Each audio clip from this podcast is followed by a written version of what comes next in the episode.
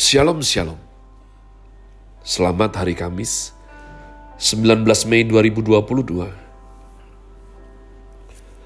Saya pendeta Caleb Hofer Bintor dalam anugerahnya, penuh sukacita sampaikan pesan Tuhan melalui Grace Words, yakni suatu program renungan harian yang disusun dengan disiplin. Kami doakan dengan setia. Supaya makin dalam kita beroleh pengertian mengenai iman, pengharapan, dan kasih yang terkandung dalam Kristus Yesus. Sungguh besar kerinduan saya bagi saudara, agar supaya kasih dan kuasa firman Tuhan setiap hari tiada pernah berhenti menjamah hati, menggarap pola pikir dan paling terutama kehidupan kita boleh sungguh berubah menuju Christ likeness. Berada dalam season summer dengan tema bulan ini, Obedient to the King, Grace Word hari ini saya berikan judul Ratapan Fatsal yang kedua. Sebab demikianlah komitmen membaca kitab suci hingga habis, sesuai agenda hari ini sudah mencapai Fatsal dua kitab ratapan. Adapun program ini juga di broadcast melalui channel GBI Rock Fluid dengan tajuk Podcast with Jesus. Murka Allah terhadap Sion ratapan Fatsal yang kedua. Ah, betapa Tuhan menyelubungi Putri Sion dengan awan dalam murkanya.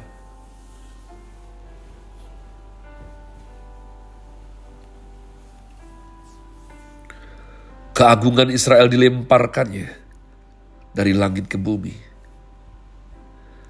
Tak diingatnya akan tumpuan kakinya tatkala ia murka.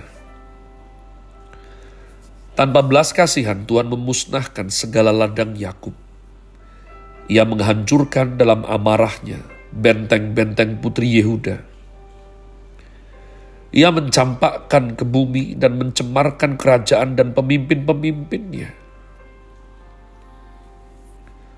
Dalam murka yang menyala-nyala, ia mematahkan segala tanduk Israel menarik kembali tangan kanannya pada waktu si seteru mendekat. Membakar Yakub laksana api yang menyala-nyala, yang menjelil, menjilat ke sekeliling. Ia membidikkan panahnya seperti seorang seteru dengan mengacungkan tangan kanannya seperti seorang lawan. Membunuh segala yang menyenangkan mata dalam kemah Putri Sion. Memuntahkan geramnya seperti api Tuhan menjadi seperti seorang seteru. Ia menghancurkan Israel, meremukkan segala purinya, mempuingkan benteng-bentengnya, memperbanyak susah dan kesah pada putri Yehuda. Ia melanda kemahnya seperti kebun, menghancurkan tempat pertemuannya.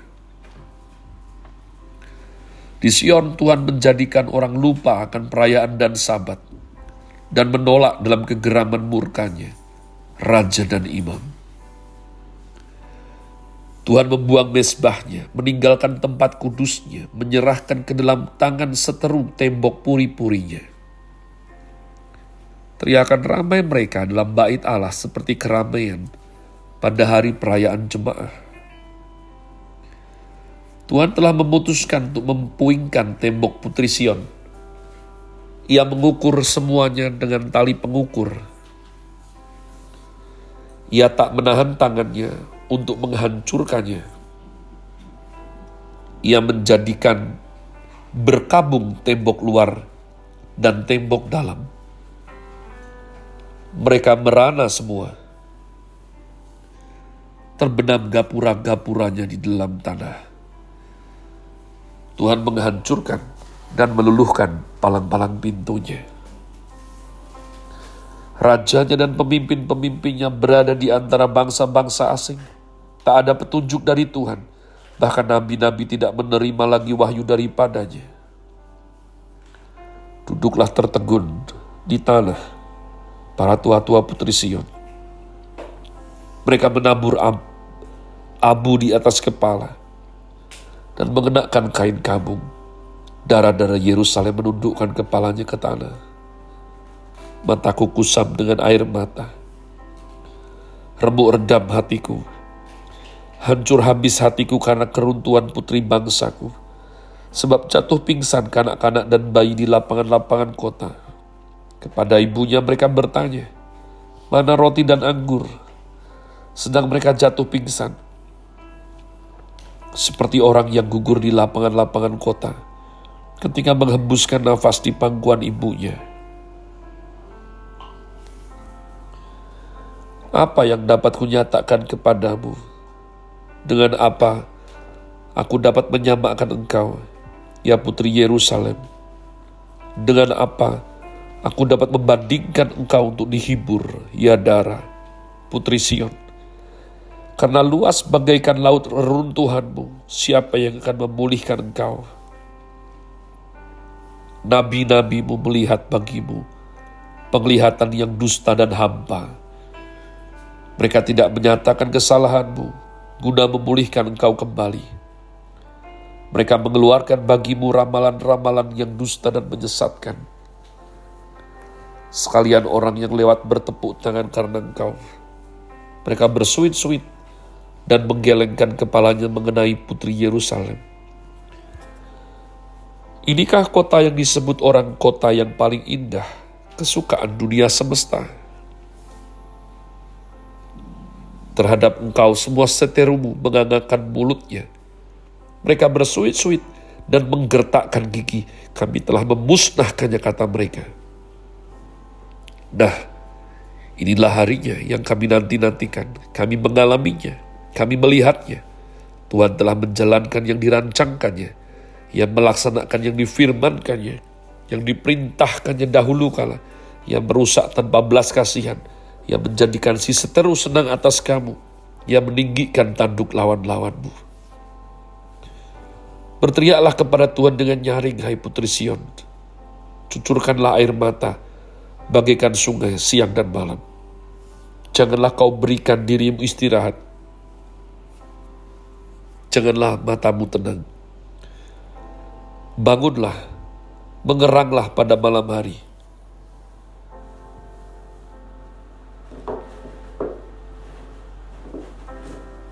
pada permulaan giliran jaga malam. Curahkanlah isi hatimu bagaikan air di hadapan Tuhan. Angkatlah tanganmu kepadanya demi hidup anak-anakmu yang jatuh pingsan karena lapar di ujung-ujung jalan. Lihatlah Tuhan dan tiliklah kepada siapakah engkau telah berbuat ini. Apakah perempuan harus makan anak kandungnya, anak-anak yang masih dibuai? Apakah dalam tempat kudus Tuhan harus dibunuh imam dan nabi? Terbaring di debu, jalan pemuda dan orang tua. Darah-darahku dan teruna-terunaku gugur oleh pedang. Engkau membunuh mereka tatkala engkau murka. Tanpa belas kasihan kau menyembelih mereka. Seolah-olah pada hari perayaan kau mengundang semua yang kutakuti dari sekeliling. Tatkala Tuhan murka Tak ada seorang yang luput atau selamat. Mereka yang kubuai dan kubesarkan, dibinasakan seteruku. Umat Tuhan membaca, memahami, dan hidup di dalam firman Tuhan adalah anugerah. Tanpa terang ajaib roh kudus tidak mungkin seorang manusia melaksanakannya. Betapa banyak orang bodoh, orang sok pintar membaca kitab ini dan berkata Tuhan jahat.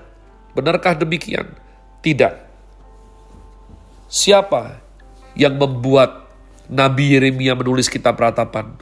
Tuhan. Dengan tujuan apa? Memamerkan bahwa Tuhan jahat? Pikir baik-baik. Kalau ada dalil daripada hukum alam, bahwa kita harus menjaga hutan. Jaga hutan. Jaga hutan. Hutan adalah masa depan generasi.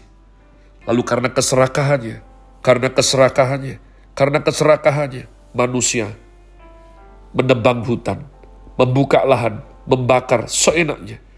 Terus menerus, terus menerus, terus menerus, sehingga tidak ada persediaan air tanah. Tidak ada yang mengontrol daripada pohon-pohon yang kuat, akar-akar yang kuat menahan air sehingga banjir datang melanda. Bencana alam datang melanda, kekeringan melanda. Bisakah manusia menengadah dan berkata Tuhan jahat? Kenapa engkau biarkan seperti ini sementara dari dulu sudah dibilang jagalah hutan sebab hutan itu masa depan generasi. Israel sudah terus ditegur, dinasehati. Maka melalui Yeremia, kitab ratapan menuliskan betapa murka Allah yang sudah dicanangkan, yang sudah dinasehatkan terus-menerus, terus-menerus. Hari itu, apa yang paling tidak diharapkan, apa yang paling ditakuti, apa yang paling disingkiri. Tidak, walaupun aku jahat sama Tuhan, walaupun aku kurang ajar sama Tuhan, walaupun aku jauh, walaupun aku tidak mau tunduk kepada firman-Nya, hal-hal jelek itu tidak mungkin terjadi dan terjadi. Ketika terjadi, manusia baru berpikir, manusia baru sadar bahwa dia kecil sekali di hadapan murka Allah tidak ada yang tahan. Tahukah engkau bahwa Allah itu patut bermurka, bahwa Allah itu punya hak sebab dia Allah. Jadi umat Tuhan, pelajaran untuk kita di generasi ini, akankah engkau obedience to the king? Akankah engkau belajar menundukkan diri kepada firman dan hidup dalamnya? Atau engkau akan seperti Israel di zaman Yeremia, harus merasakan yang paling pahit, paling sengsara terlebih dahulu, baru mau mengakui bahwa engkau harus menghormati perjanjian Tuhan dalam hidupmu. Have a nice day. Tuhan Yesus memberkati saudara sekalian. Sola. Grazie.